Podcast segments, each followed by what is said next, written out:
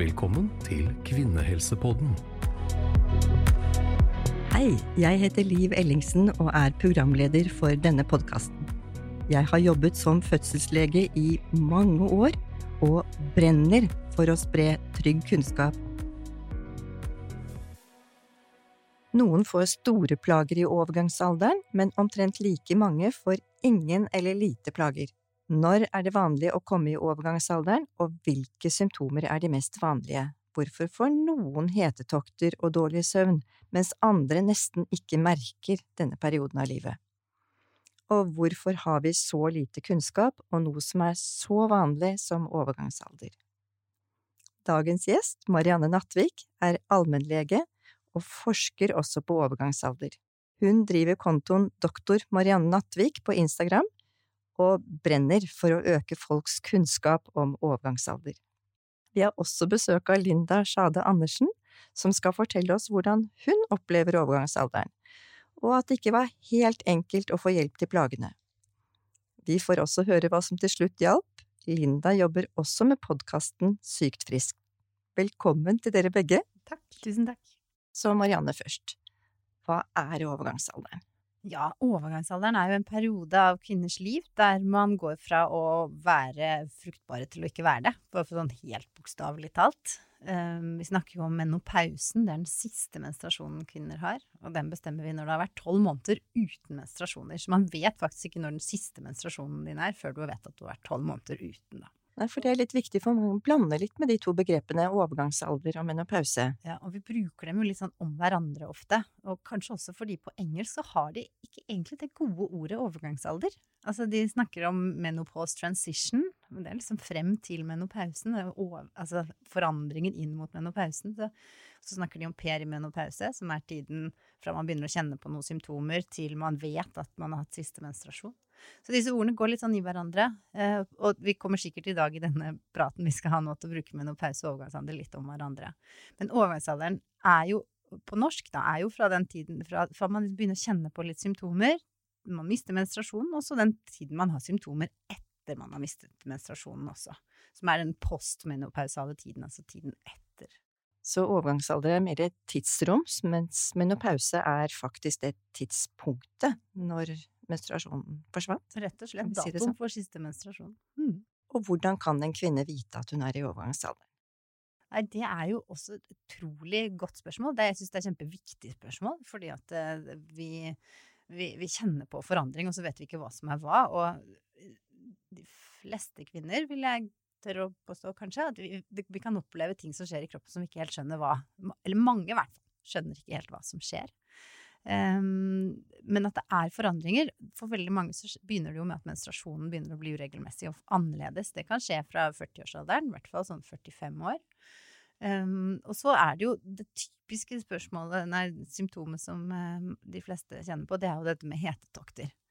Men det er ikke alle som får. Og man kan allikevel fint være i overgangsalderen med andre symptomer som søvnforstyrrelser, leddsmerter, um, humørsvingninger. Uh, og så da er det vanskelig å vite hva er hva, ikke sant? Så det blir en sånn Jeg tenker det er et uh, litt vanskelig spørsmål, for man vet ikke helt hva som er hva. Hva er livet? Hva er disse hormonsvingningene? Uh, og, og, hva er, kan være annen sykdom? Så det er ofte en sortering som skal til når man liksom begynner å tenke tanken. Og så er det jo det å tenke tanken også. Mm. Så mange som tenker at da, hvis man går til legen og begynner denne sorteringen, og så blir det en prat om skal man ta blodprøver eller ikke. Og blodprøver i dette ja. tidspunktet er kjempevanskelig. For så lenge man har menstruasjoner, så vil eh, disse, det gi bare et øyeblikksbilde. De hormonene man leter etter, de svinger sånn. Eh, og når menstruasjonen har blitt borte, og den ikke har vært der på tolv måneder, så vet man jo at det er overgangsalder. Så kvinner 40, friske kvinner over 45 år, det er veldig lite å hente på å ta hormonprøver. For det er så konkret, så det er vel veldig fristende å ty til hvis ja. man kan uh, ta en blodprøve og gi et svar, men så enkelt er det altså ikke. Nei. Nei. Men, men blodprøve kan absolutt ha en verdi i forhold til å utelukke annen sykdom. At man ser på stoffskiftet og sjekker at jernnivåene er ok, og altså at man kanskje teller litt celler, og at man, man, man, ser at eh, kroppen generelt ellers er frisk. Da. Men det gir ikke svar på om du er i overgangsalder eller ikke. Så det er Nei, det var et symptombilde. Ja, mm. og dette symptombildet er altså mye mer enn hetetoktene, som jo er kanskje det som har overskygget mye av eh, diagnosene. At man eh, har sagt likhetstegn mellom overgangsalder og hetetokter, og så er det veldig mye mer. Ja. Og det skal vi snakke mer om i dag. Når er det vanlig å komme i overgangsalderen? Hvem er det som kan vente, vente seg disse symptomene?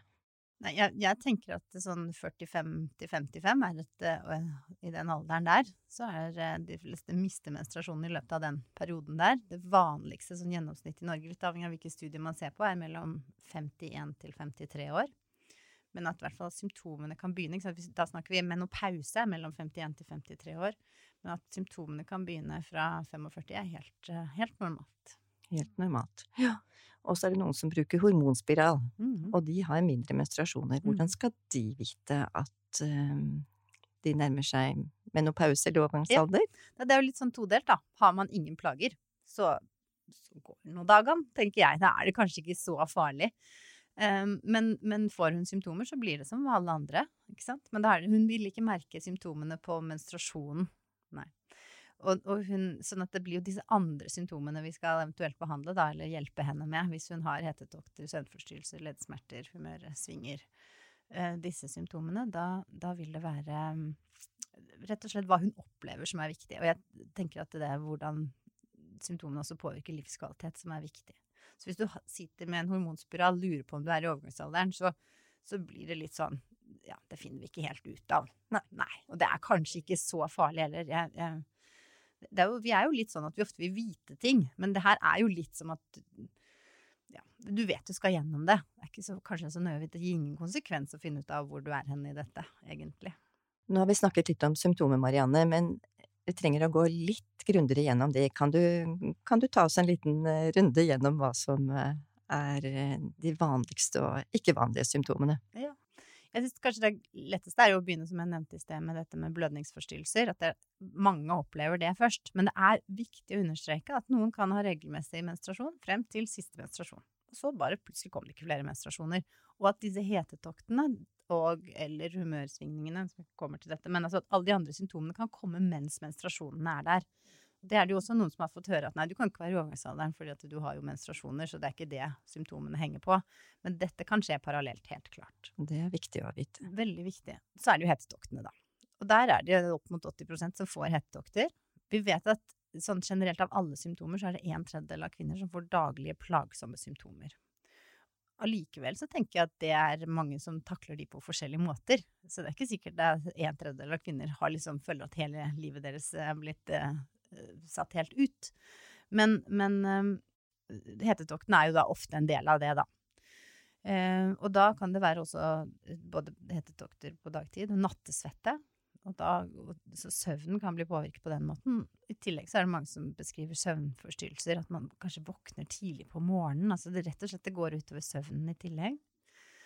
Og så er det dette med humør, humøret, så man kan bli, føle både på en sånn labilitet, at man blir litt mer sånn snapper litt og litt kortere lunte. Mange beskriver at de kjenner ikke seg selv helt igjen. Og også at det kan være noe angst og uro knyttet eh, til disse, den psykiske delen av dette. Um, og så har vi jo en, Hukommelsen og konsentrasjonen kan påvirkes. Um, jeg har hørt historier uh, om uh, at man mister ord. Uh, det har jeg ikke sett sånn forskningsmessig, men jeg syns det er interessant. jeg har sett i flere sånne litteratur jeg leser som kanskje går litt utenfor forskningen, men at man ikke helt husker substantiver, for eksempel. Altså en setning uten et substantiv, det begynner å bli, begynner å bli tungt å, ja. å, snakke for seg. Ja. Um, men i hvert fall at man ikke har helt den kapasiteten som man pleide, og hodet er ikke helt på plass. Og så kan man si er det på grunn av at man settes ut fordi man har en hetetokt som tar konsentrasjonen, eller at man ikke har sovet så godt. Men, men også en sånn litt sånn hjernetåke beskrives, da.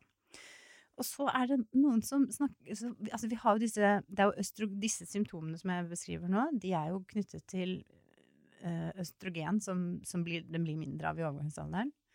Og, og, disse østrogen det skal binde seg rundt omkring i hele kroppen. De har mottaksreseptorer, som vi kaller det, i hele kroppen, og også i ledd. Så noen opplever å få leddsmerter. Um, vondt i hender, vondt i hofter, skuldre. Um, og det er jo ikke sånn vi vanligvis når man kommer med vondt i en hofte, så tenker vi jo ikke overgangsalder. Da tenker vi oi, må vi, her må vi finne ut av fysioterapeut, og hvordan skal vi gjøre med dette. Så da er det liksom om å gjøre å sette puslespillbrikkene sammen, for da vet ikke sant, hva er hva. Det kan jo være noe muskulært med den hoften også. Så sånn at det er en sånn sortering på hva kan være hva, da. Nå begynner jo symptomlisten den er, Det er jo Jeg syns det er litt vanskelig. Jeg var med eh, en prat på en annen podkast hvor det var noen gutta der hadde forberedt seg. Det var to menn. Og de, det er 40 symptomer på overgangsalderen, kom de og sa til meg. Og jeg tenker at det, det kan jo hende det er det, men det er ikke alt vi har klart å bevise sånn forskningsmessig. Og så er det jo liksom For det er mye annet som skjer i den delen av livet også. Nettopp. Så det er noe som, som handler bare om å bli eldre også. Så jeg, jeg, jeg er litt sånn forsiktig med Vi skal ikke putte alt inn i overgangsalderen heller. Så nå har vi vel kanskje dekket de største tingene. Og når du først har sagt alle disse symptomene, hvor mange er det egentlig som rammes av det? Kan du si noe om uh, hvor mange det gjelder? Mange, for vi vet jo at noen går jo gjennom denne fasen nesten uten plager, som Mm, vi sa, mens ja. Det er en tredjedel som omtrent ikke får symptomer i det hele tatt. Det varte kanskje overgangsalderen i to minutter, mens andre kan oppleve at den varer opp mot syv-åtte år. Ja. Um, så er det en tredjedel som får disse daglig plagsomme symptomene, og så er det en tredjedel som er litt sånn midt i. Og, vi, og, hvordan vi står i dette, er jo også litt sånn Vi vet at det å gå inn i overgangsalderen, hvis du har det ganske bra med deg selv da, og har liksom litt, sånn, litt roen over livet, så tåler du også symptomene bedre. Det er jo ikke noe sånn veldig overraskende, vil jeg si. Det er sånn andre, med andre ting i livet òg. Hvis vi er balanserte, så tåler vi en utfordring litt bedre.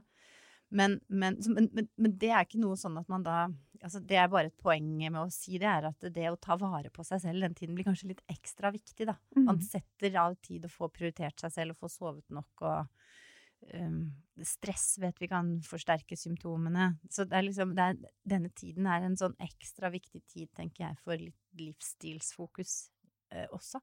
Mm. Veldig viktig hele livet, men også mm. kanskje spesielt nå. Ja, så har det kanskje en del ting gått liksom, Kroppen har tillatt en del ting frem til nå. Mm, mm. Det er ikke så farlig, jeg kan sove lite en natt, eller jeg kan drikke alkohol. Altså, mange opplever at de tåler alkohol dårligere, de tåler mindre søvn dårligere. sånn at det blir liksom, man, man begynner å kjenne på at vet du hva, nå, nå, må jeg faktisk ta kroppen min litt sånn på alvor. Ja, Blir det et sånt lite brekkpunkt? Mm. Jeg vet du om det er forsket noe på dette at det er så stor spredning i symptomene at noen faktisk får det så vanskelig, og noen kan bare seile gjennom det? Hva er det som gjør at én kvinne reagerer så forskjellig fra en annen? Nei, jeg, det, har, jeg har ikke, det, har ikke, jeg sett noe på. Uh, men jeg vet jo også at de, i det, hetetokter i seg selv vet vi jo ikke helt hvorfor vi får. Vi vet det har noe med termostaten i hjernen å gjøre, og så ja. vet vi at det har noe med østrogen å gjøre. Men vi vet ikke helt hva det er som liksom gjør at det blir en hetetokt ut av det. Så det er jo en del ting vi ikke vet. Vi, men vi vet at det, det kan være noe arv i dette her. Det er det jo ofte i kvinnehelse. At hvis sånn mor fødselen en mor hadde, kan du kanskje få litt, men du trenger ikke. Og sånn er det også litt rundt overgangsalderen. Mm. Um, og, og, det kan jo være en fin ting å snakke med mor, men hvis hun har hatt det helt grusomt, så betyr det ikke at du trenger å ha det grusomt. Så det er liksom både og å gå inn i den praten. Ja, men kanskje ha noen erfaringer, da, som man kan ta med seg. Forberedt på mm. at det kan bli litt tøft, ja. Mm. Eller at eh, kanskje mor sa det gikk fint, og så går det fint. Jeg er liksom litt opptatt av at eh, overgangsalderen er kanskje en sånn tid hvor vi har fått presentert Vi vet om disse hetetoktene, og så er det det man tenker på. Men det er faktisk, som du sa innledningsvis, så få, altså, eller ganske mange som får det ikke så tungt også, at vi ikke trenger å se på denne tiden så dystert. Og du snakker jo mye om overgangsoptimisme, og det er jo et fint ord, og det er jo nettopp å møte det med et uh, positivt og åpent sinn, da. Ja ta det kanskje litt som det kommer, men kanskje også ha litt sånn eh, Hvis man har litt kunnskap på plass, så har jeg en tro på det at man sitter kanskje litt med en sånn verktøykasse som gjør at man kan hjelpe seg selv. Vite at eh, det går an å få hjelp for både symptomene, og at det går an å posisjonere seg litt, ta hensyn til seg selv i livet for å, for å tåle det man står i, bedre.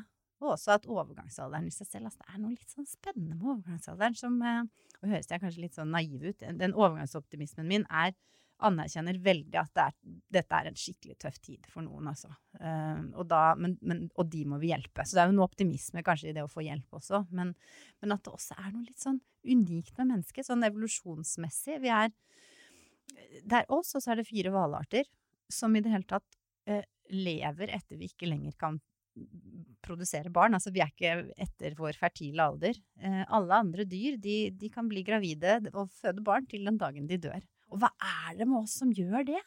Jeg, jeg syns det er litt sånn eh, ja, Det gjør meg litt nysgjerrig og litt eh, et, jeg anerkjenner denne tiden litt annerledes, rett og slett. Jeg tror, jeg tror dette er sånn helt fornuftig fra kroppens side. Kanskje spare både energi på ikke å ha eggløsninger, og ganske farlig å bli gravid som 50-åring også. Um, men også at det å, å, passe på flokken sin, ikke sant. Det hadde vært veldig vanskelig hvis uh, jeg som bestemor og datteren min fikk barn samtidig. Hvilke barn skulle vi prioritere? Sånn at bestemor kan heller hjelpe datter og barnebarn. Uh, det, er også no, det er mange teorier rundt dette, da. Da tror jeg vi går litt over på behandling, for det har du så vidt uh, nevnt, at det fins hjelp. Um, og da er det jo lett å tenke årsaken er mye fall i østrogener, det er jo lett å behandle med østrogen. Og så enkelt er det jo ikke helt, da. Men østrogen er jo det vi gjerne behandler med. Ja, det er jo det. Eh, akkurat blødningsforstyrrelsene, der er det ofte gestagener som skal, skal til. Altså vi har jo disse to kvinnelige kjønnshormonene som vi bruker i denne sammenhengen her. Uh, og alle, men, men, alle disse søvn, humør, uh, hetetokter, de trenger østrogen. Det er på grunn av østrogen. Lavere nivåer der. Og når vi gir østrogener, hvis, hvis, hvis, man velger å gi behandling på det, så er det sånn at det, det stimulerer slimhinnen inn i livmoren, så det blir en, en, rett og slett en eh, kreftfare der ja, eh, som, som, vi nuller ut ved å gi gestagener også. Så når alle kvinner med livmor skal ha begge deler. Sånn en kombinasjon, da. Og da har noen en hormonspiral, og så får de kanskje en pille eller plaster eller gelé eller spray med østrogener. Eller man får kombinasjoner med både, det fins med både piller og plaster, da. Og så fins det litt to forskjellige um, hva skal man si, behandlingsregime. I begynnelsen så har kroppen veldig, ganske mye liksom svingende og us, usynkronisert, kan man si det, eh, hormonproduksjon selv. Eh, som gjør da at eh, vi ofte gir hormonbehandlingen som en, nesten som en sånn type man kan kjenne igjen fra en p-pilleløsning, hvor man har en blødning en gang i måneden som er laget av disse hormonene man gir. En sånn syklus? Syklus, ja. Så mm. kaller vi syklisk behandling. Og så er det kontinuerlig behandling som man bytter til litt sånn etter hvert, eh, hvor man tenker at nå er det kanskje ikke så mye svingninger i kroppen, så nå begynner det å stabilisere seg litt i egen kropp, men det mangler fortsatt hormoner, og, og da gir man det kontinuerlig, og da skal man ikke blø noen ting. Og dette er jo mye å holde orden på. Hvor mm. skal man henvende seg for å få hjelp til dette? Jeg tenker det er lurt å starte hos fastlegen. Eh, vi må bruke fastlegene og gynekologene våre klokt. Eh, og fastlege, mange fastleger i Norge kan mye om dette. Og så skal jeg være helt ærlig på at selvfølgelig, på dette som alle andre ting, så kan vi kanskje Noen er bedre enn andre på dette. Så hvis du opplever at du ikke når frem hos fastlegen din, så går det an å be om en henvisning til en gynekolog. Men å begynne hos fastlegen, teste ut fastlegen litt, og kanskje være litt forberedt. Tenk litt på Hørt en podkast, kanskje lest noe uh, informasjon, um, og, uh, og, så, og så lufte kan dette være overgangsalderen. Um, og så er det, og da, som sagt, vi sa i sted, det er ikke noe behov for å ta blodprøver for dette, men å snakke om da muligheter. Hvis man har mistet menstruasjonen for uh, Man vet man er forbi menopausen, mistet menstruasjonen for tolv måneder siden, så begynner vi med den kontinuerlige behandlingen med en gang. Og så vet vi at uh, det er Alt vi gir gjennom huden, har en viss sånn litt tryggere um, i forhold til dette med blodpropp, som vi er litt sånn redd for i denne sammenhengen her. Østrogener er knyttet litt til det. Så da kan man jo liksom velge, kan, hvis man posisjonerer seg litt. Og så er det skal si, kanskje litt dyrere, og eh, det er ikke alle som syns Kanskje de syns det er lettere å ta en pille. Så vi skal ikke snakke ned de andre. Det er generelt trygt for friske kvinner å ta denne hormonbehandlingen.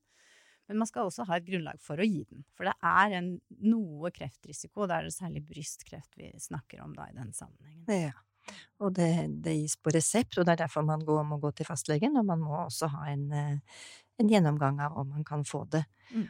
Og du sa det med kreftrisiko, og brystkreft, det har jo vært et stort tema, mm. og delvis vært grunn til at hormoner har kommet litt i bakleksa, eller fått dårlig rykte en periode. Mm. Er det grunn til å være bekymret, syns du? Jeg tenker at eh, vi skal alltid veie nytte mot risiko. Det gjør vi også i denne sammenhengen her. Eh, hos en frisk kvinne som ikke har det vi kaller kontraindikasjoner, altså da snakker vi om egen eh, brystkreft, ikke i familien, men å ha hatt det selv, eller, eller livmorkreft, eller alvorlig leversykdom. Eh, noen andre litt eh, mer spesielle kontraindikasjoner også. Så det er ganske mange kvinner som ikke havner i den Eller og, og hjerte-karsykdom. Aktiv hjerte-karsykdom. Um, de fleste kvinner på 45-50 år er ikke i den gruppen der, men kan ha symptomer som um, som virkelig påvirker livskvaliteten deres. ikke sant? Så hvis man ikke sover om natten, omtrent ikke funker i parforholdet og ikke klarer å konsentrere seg på jobb, det gjør noe med både mestringsfølelse og hvordan man føler man har det i livet, og absolutt livskvaliteten kanskje ikke er så god, da tenker jeg at det, kan, da, er, da er fordelen med å få en hormonbehandling større enn risikoen. For risikoen ligger da litt i dette som jeg snakket om med blodpropp, som vi eliminerer ved å gi mm. det som, gjennom huden, denne behandlingen.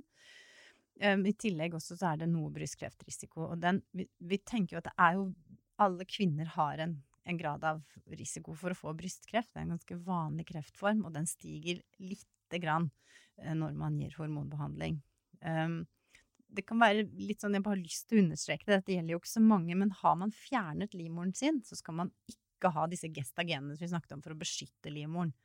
For vi vet at den behandlingen med begge deler den gir større kreftrisiko enn den hvis man bare gir østrogener alene. Mm. Men allikevel så kan vi ikke velge å gi bare østrogener alene, for da er det risiko for eh, kreft i livmoren. Så vi, vi, balanserer dette her, men disse, disse, tallene er, de er der, og vi skal anerkjenne dem. Og noen personlig, for noen kvinner, så blir de så store, selv om de er, jeg, jeg, kanskje ser dem som små, så ser hun dem som store, og velger å ikke ha hormonbehandling.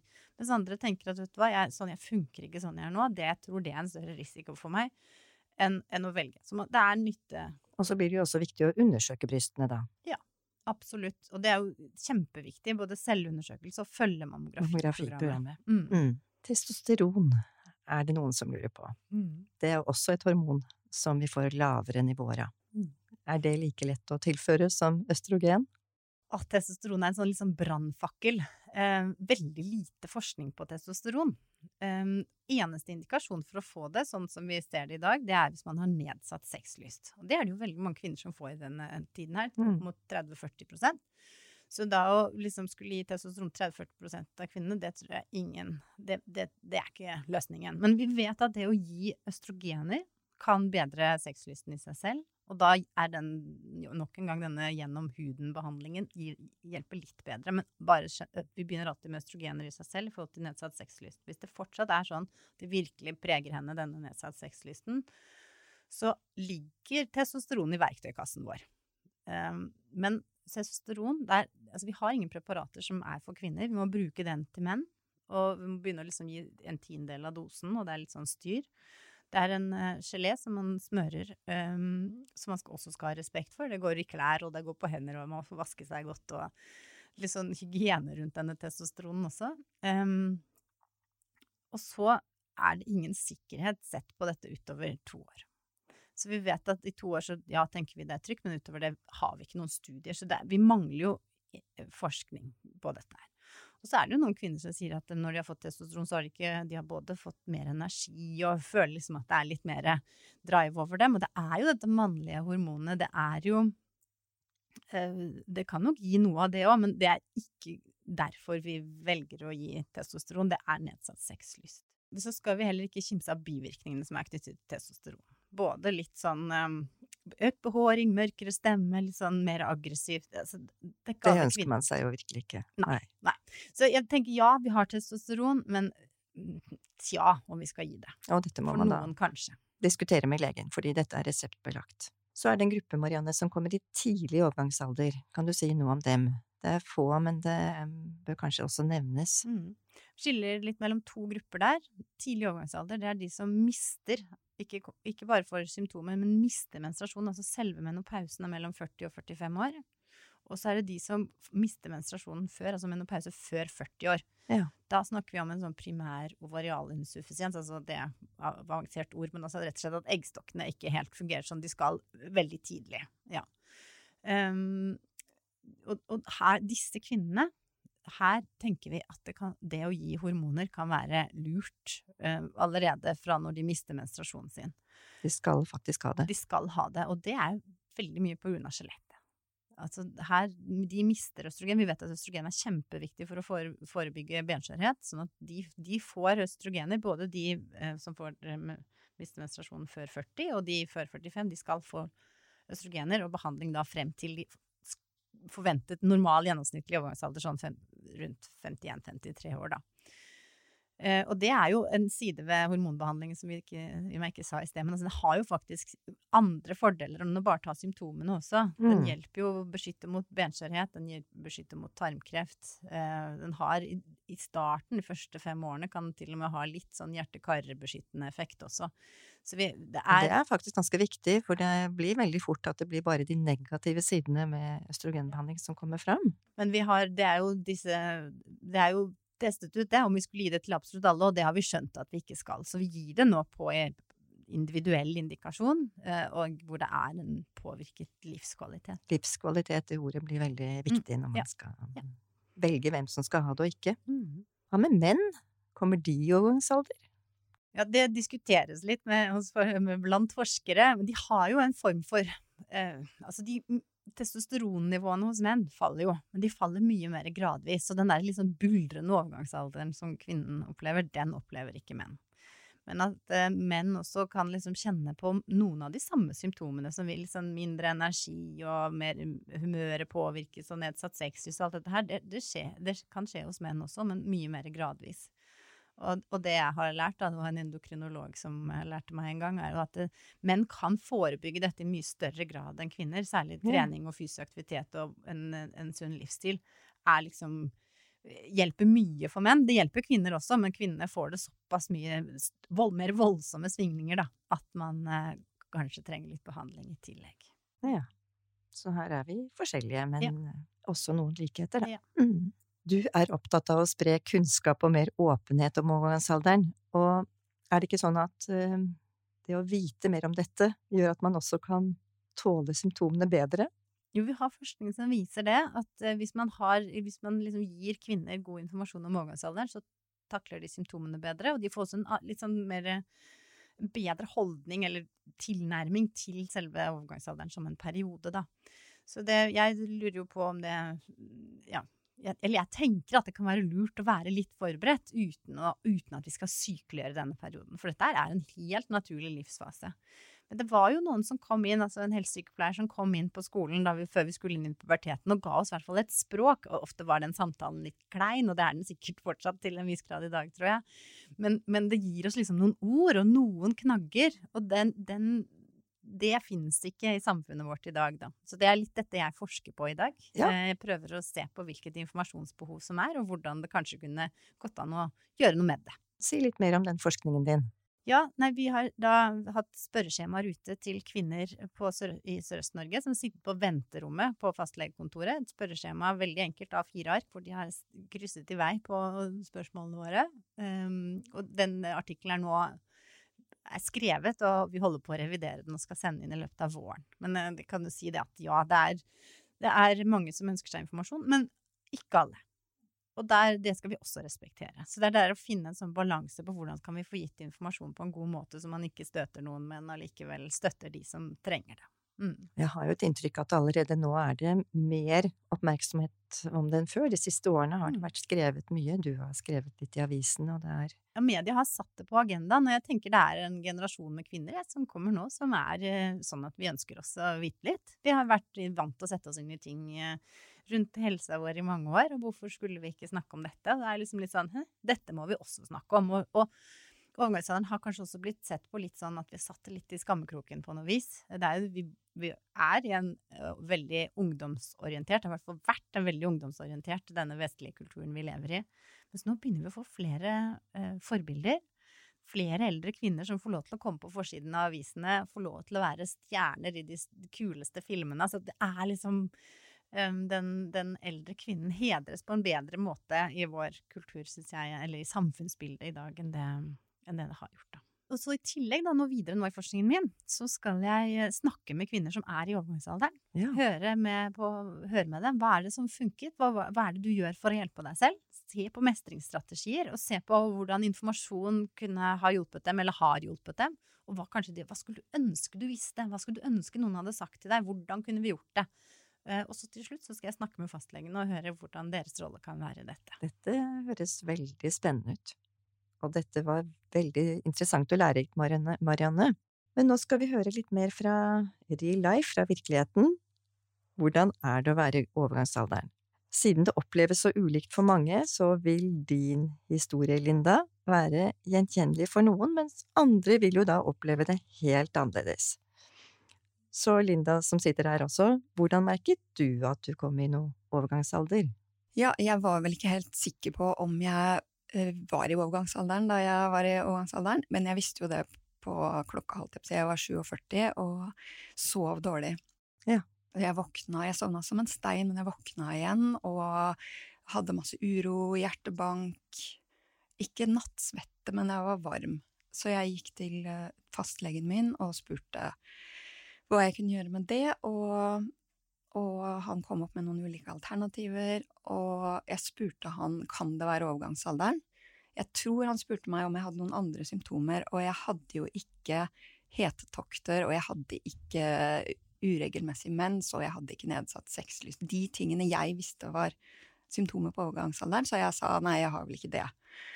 Eh, så da fikk jeg eh, en antipsykotika eh, for å ikke våkne, og det funka jo. Sovemedisin, Ja, som sovemedisin, og så Mm. leste jeg at det skal jo egentlig ikke gis som det, og jeg ble litt usikker, og jeg tenkte at det her er jo ikke noe varig løsning, men, men Og så, parallelt med dette, så jeg har hatt nedsatt luktesans uvisst av hvilken grunn, for jeg har Mm. ikke hatt covid. Og det her har skjedd gradvis fra før covid kom. Og så har jeg jo lest eh, internett opp og ned når det gjelder overgangsalderen, fordi moren min hadde veldig langvarige og mange plager, og jeg var fast bestemt på at det, det skal ikke jeg få. Eh, Så jeg, jeg kunne ganske mye, men av en eller annen grunn så hadde jeg ikke fått med meg alle symptomene. Men jeg gikk, eh, så oppdaget jeg, ja, ja, forvrengt luktesans kan være et symptom. Syns du kaffen lukter rart? Og det syns jeg. Ja. Så da gikk jeg tilbake til legen min og sa jeg tror eh, nå har, nå har vi forsøkt å finne ut av dette med luktesansen eh, på mange måter. Ingen resultater. Kan det være hormonelt? Kan jeg prøve hormoner? Og så var jeg jo 47-48 år gammel, så det var jo ikke noe eh, utenkelig at jeg var i overgangsalderen. Han eh, gjorde som du sa, Marianne. Han, han sendte meg Han eh, sørget for at jeg skulle ta blodprøve, som var helt normal, for jeg har jo fortsatt mens og alt mulig. Men så fikk jeg noen henvisning, og så fikk jeg hormonplaster. Henvisning til gynekolog. Gynekolog. Mm. gynekolog ja. Og så fikk jeg hormonplaster. Eh, det hører også med til historien at den ventetiden til gynekologen var jo så lang at jeg gikk privat i mellomtida. Det Ja. syns jeg er litt leit at man må gjøre, men Det som skjedde, var at jeg sov jo veldig mye bedre. Og en annen ting som skjedde, var at jeg ble kvitt hofte- og ryggsmerter Ja. som jeg hadde, som jeg ikke visste at kunne være hormonelt. Jeg hadde tenkt ok, jeg liker å sykle, det går fint å sykle, jeg får ikke vondt i hoftene da, så får jeg heller bare slutte å gå av disse lange turene jeg er så glad i.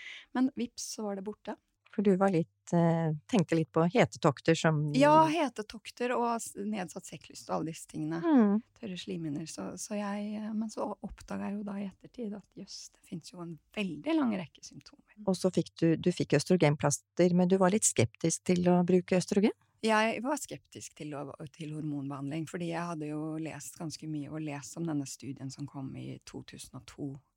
eh, Den som- store Ja, en stor studie som eh, viste at det var veldig farlig med hormoner, ikke sant. Så, og moren min hadde tatt disse hormonene, jeg tenkte nei, nei, mamma, du må ikke gjøre det. Og jeg, var, jeg gjorde yoga og var opptatt av å spise riktig for kroppen min, og jeg hadde opplevd eh, faktisk ved å eh, tilpasse kostholdet mitt til det jeg tenkte var riktig for min kropp, så ble jeg kvitt all PMS. Altså alle plager med mensen. Så jeg tenkte jeg kan påvirke hormonene mine veldig mye mellom, gjennom kosthold, så det hadde jeg jo egentlig tenkt å gjøre. Ja. Men så er det noe med at det er en jobb, og hele tiden spise annerledes enn andre. Så jeg hadde ikke vært så flink til det. Så leste jeg jo at det var jo ikke så farlig. Jeg hørte podkaster. Jeg har faktisk lært aller mest om overgangsalderen gjennom podkaster. Ja. For det er veldig mye sprikende informasjon der ute. Nei, så da forsøkte jeg dette plasteret. Ja. Og ble veldig overraska når jeg også fikk med meg at det var positive effekter som reduserte risiko for tarmkreft. Jeg har nære venner som har dødd av det, så tenkte jeg ja jøss, det vil jeg jo slippe. Så jeg er jo fornøyd med dette plasteret, men jeg har jo spørsmål rundt det, og hvor lenge skal jeg ta det, hvordan slutter man? Og da kan du jo ta inn Marianne med en gang. Kan du svare på det? Det kan jeg. Jeg tenker jo at det her er en kunst, og den kunsten har vi ingen eh, fasit på. Så her er, blir det en litt sånn eh, For noen litt prøving og feiling. Litt motivasjon må på plass når man skal slutte. Um, og det å slutte med hormoner, da har man tilført kroppen noen hormoner en stund. Og så når vi da, hvis vi da plutselig tar de bort, så vil jo kroppen måtte finne seg en litt sånn ny normal. Vi har ikke utsatt overgangsalderen. Det er det mange som spør om. Vi utsetter ikke overgangsalderen ved å gi hormonbehandling. Takk, Den går seg en gang uansett. Ja, det har jeg lurt på. Må jeg liksom bare starte på scratch med alle plagene? Nei. Godt å høre. Nei, det buldrer, buldrer i kroppen mens vi liksom legger dette plasteret eller hormonbehandlingen litt sånn på toppen for å jevne ut litt. Eh, og så etter hvert, så når buldringen avtar, så er hormonnivået bare lavere, mens det tar litt tid for kroppen å finne ut av det. Så en del som har symptomer da også. Og da gir plasteret litt til ekstra tilførsel. Men når vi velger å ta bort behandlingen, så vil det i da en liten periode eh, Og jeg har ikke helt fasiten på hvor lenge heller. Har ikke, jeg har ikke sett noen forskning på det. Jeg har lett etter det.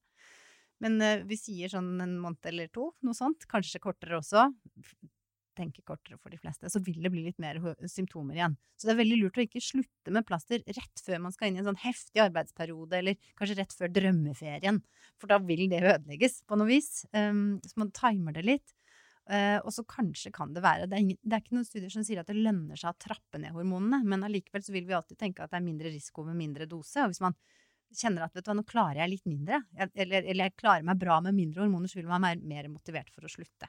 Så det, var lyst til å si, for det var, så, det var bra du nevnte den studien i 2002. Og det er jo grunnen til at vi også har litt sånn vanskelig forhold til eh, hormonbehandling. For da, da, ble det jo vist at dette var så farlig at man rett og slett avsluttet en studie i USA som pågikk, Women's Health Initiative. Og jeg har bare så lyst til å understreke at den, den, eh, studien det var rett og slett for å gi hormoner forebyggende. Da ga de det til alle kvinnene som, som var med. Gjennomsnittsalderen på disse kvinnene var 63 år. Eh, nesten som å gi tran. Så det blir som en litt sånn annen tilnærming til det hele. ikke sant? Og vi trodde det skulle hjelpe mot hjerte-karsykdom og urininkontinens og øh, osteoporose. Det skulle liksom hjelpe kroppen. Eh, og så så man jo da at det, sånn kan vi ikke holde på. Og så har vi i dag andre preparater. Vi velger aldri å gi Vi skal ikke gi hormoner. Vi skal ikke starte opp hos kvinner over 60 år, og ikke etter ti år etter menopause. Sånn at vi har lært masse av den studien. Og når den er sett på på nytt og tatt ut de kvinnene vi tenker liksom hvor livskvaliteten er påvirket, så ser vi ikke den risikoen som man så i den studien, da. Så det er bare sånn um, Det er også en litt sånn ulempe i dag med å gå og prate med mammaen sin. Eh, fordi mamma, mamma, husker jo den noen, noen, kvinner hvert som gikk på hormoner selv den dagen, de, den gangen, de husker jo dette her. Og, vi har en, en, stupbratt salgskurve på hormonpreparater. Den er litt sånn historisk.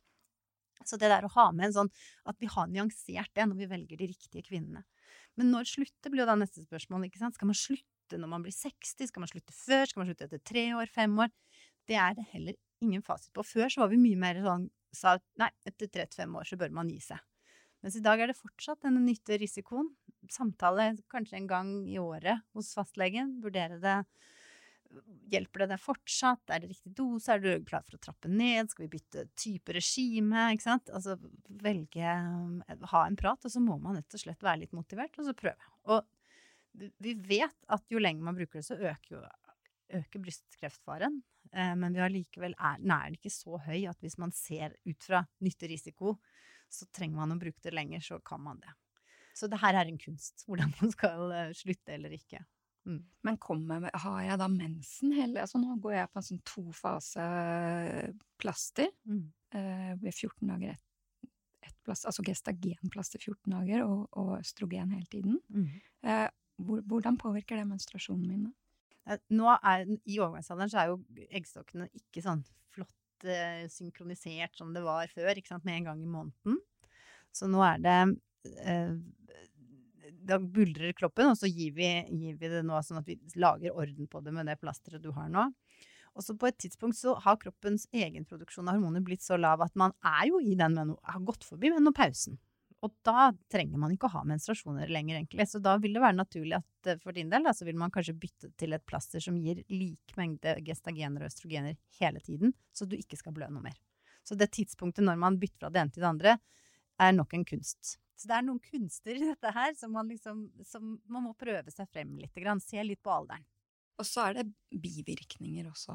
Mm. For jeg, det var tomt for plaster, det var leveringsproblemer, og da fikk jeg en Gestagen-pille. Så fra å ta Gestagen halve måneden, så måtte jeg ta en pille hele tiden. Og jeg fikk fryktelig vonde pupper Mm. og følte meg ikke bra, og sov dårligere igjen. Mm. Så det kjentes ugreit. Og, og bruksanvisning var kun på tysk. Ikke mulig å få på engelsk engang. Og da kjente jeg bare frustrasjonen økte. Ja, det, er en, det er en kjempefrustrasjon om dagen, fordi det mangler veldig mye av disse plasterne som, vi, som mange har begynt med, ikke sant? fordi vi ser at det er en eh, større trygghet i dem. Um, så det, det er en eh, Ja. Det er jo noen legemidler man rett og slett har mangel på, men det virker som at det har truffet litt hardt rundt østrogen, eh, ja, hormonbehandlingen for overgangsalderen. Eh, absolutt ikke greit, men eh, det er kanskje derfor det da man har hentet inn det man kunne, og da var bruksanvisningen på tysk. Det er jo ikke, ikke så lett å forholde seg til. Men eh, det føltes veldig ugreit å ta Gestagen hele tiden for meg. Det er litt sånn, altså jeg vet ikke eh, Det mange forholder seg til da, før man kommer til overgangsalderen, er at man kanskje har prøvd litt forskjellige prevensjonspreparater. ikke sant? Man har prøvd den ene p-pilen, og så den andre, og så kanskje en p-stav, og så prøvde man en spiral. Altså man har vært innom litt forskjellige ting, kjent bivirkning på forskjellige ting. Og sånn er det litt her også. Vi har en verktøykasse med mange forskjellige ting, både plastere og spray og geleer og tabletter.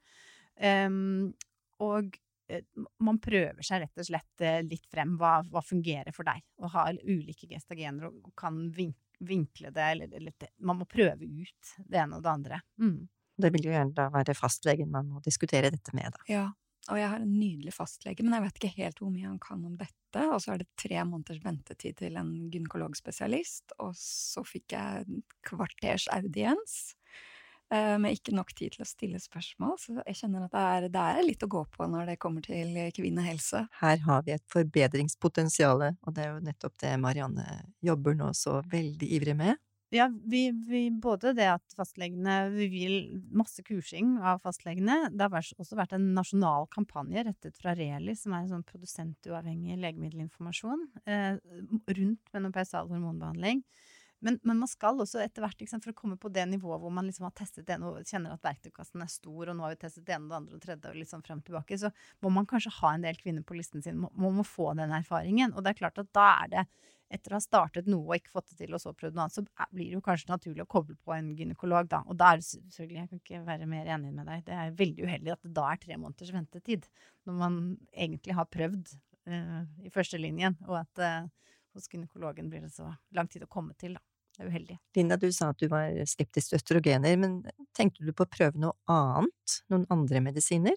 Um, nei, jeg tenkte egentlig mest at jeg skulle eh, holde styr på overgangsalderen min gjennom kosthold, men jeg har jo lest om disse eh, helsekostpreparatene med urter og sånn. Jeg vet ikke om, om det faktisk funker på ordentlig, eller om det bare er penger ut av vinduet.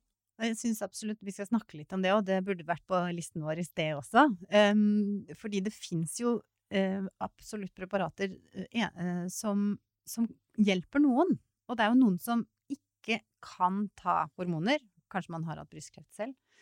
Og da er det jo viktig å vite at det finnes noe, men skal, da skal man igjen være litt forsiktig. For hvis et preparat fra helsekosten har en østrogeneffekt, så har den kanskje det på, i forhold til de østrogenreseptorene knyttet til kreften også. Så der må man alltid, hvis man har hatt brystkreft så må man alltid snakke med legen sin. Um, men at det, veldig mange syns jeg har prøvd noe altså Hvis man har tenkt overgangsalderen selv, kjent, kanskje, og da er det kanskje fordi hetetokten har vært der, så har man kjent det selv, så har man prøvd noe. Og, og noen syns det hjelper litt på søvn, og noen syns det hjelper litt på, på hetetokter. Et av disse preparatene, noe som heter Remifemin, har til og med kommet seg inn i, i felleskatalogen. Og som er på en måte Det er ikke på resept, men, men for meg da som lege, litt sånn skolemedisiner, noe er inne i felleskatalogen, så vet vi i hvert fall at det er forsket nok på til at det, vi vet mye om preparatet. Men det er litt det som er utfordringen med det som er i helsekostbutikken. At vi, vi Kosttilskudd er det ikke forsknings... Altså det er ikke samme kraven til det som medisiner. Men at man kan prøve seg litt frem. Jeg er veldig Det tenker jeg Det, det gjør jo kvinner.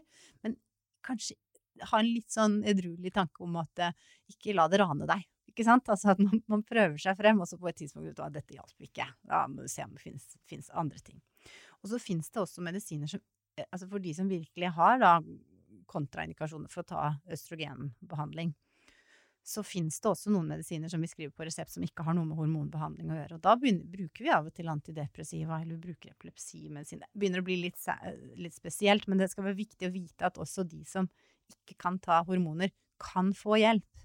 Så fins det alternativer. Ja, det fins mm. alternativer som vi vet hjelper. Da. Det er det særlig hetetoktene kanskje som Kanskje litt humøret, men særlig hetetoktene som har vært i fokus da, på den, eller den behandlingen. Det var viktig å få, få med inn, og da har vi vært gjennom mange faser av denne overgangsalderen. Har dere noe på hjertet før vi avslutter?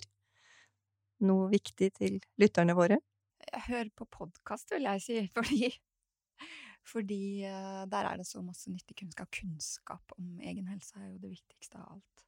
Det er jo ikke denne aldersgruppen som er den største lytterskaren på podkast. Men det kommer jo. Ja, jeg tror det. Jeg hører masse på podkast. Ja. Men uh, ja, nei, det er også takk til Marianne for at du lærer opp fastlegene. Det må jeg si. Jeg, skulle, jeg hadde akkurat tenkt på at jeg hadde lyst til å berømme Linda litt her. fordi jeg tenker den åpenhet er liksom alltid min sånn utgangs... Hva kan du si noe mer? Bare ja, vær så snill, snakk om det! Og det at du deler din historie sånn som du gjør nå, det hjelper så mange andre. Så det er kjempeflott. Og jeg tenker også i en venninnegjeng, å tørre å sette det på agendaen. Symptombildet er jo så forskjellig. Så det jeg opplever, er kanskje ikke Jeg klarer ikke å speile meg i venninnene mine på samme måte som vi kanskje har gjort i mange andre ting i livet. Og, og det gjør at vi Noen kan liksom kjenne på sier ikke at alle, men jeg vet at noen da kjenner på at det er litt vanskelig å dele. Disse symptomene er jo ikke veldig sexy. De er litt sånn fornedrende og litt sånn uh, Man føler seg ikke helt uh, på sitt beste og kjenner ikke seg selv helt igjen. Så det å liksom ta opp det kan være litt sårbart, men å tørre det, og kanskje da både lærer man venninnene sine noe, Eh, og kanskje kjenner man ja, men vi er jo flere i samme båt allikevel, jeg hadde bare ikke sett det. Og at man får satt sammen noen puslespillbrikker sammen, så man får en større forståelse. Tørre å ta det opp i, i, lunsjen på jobben. Snakke om dette her. For dette her er en periode hvor vi tenker vi kan styrke hverandre. Og det er mye å bli litt sånn sterkere sammen, rett og slett. Og en annen ting jeg syns er så flott med at du deler din historie, Linda, er at den, du ga deg ikke.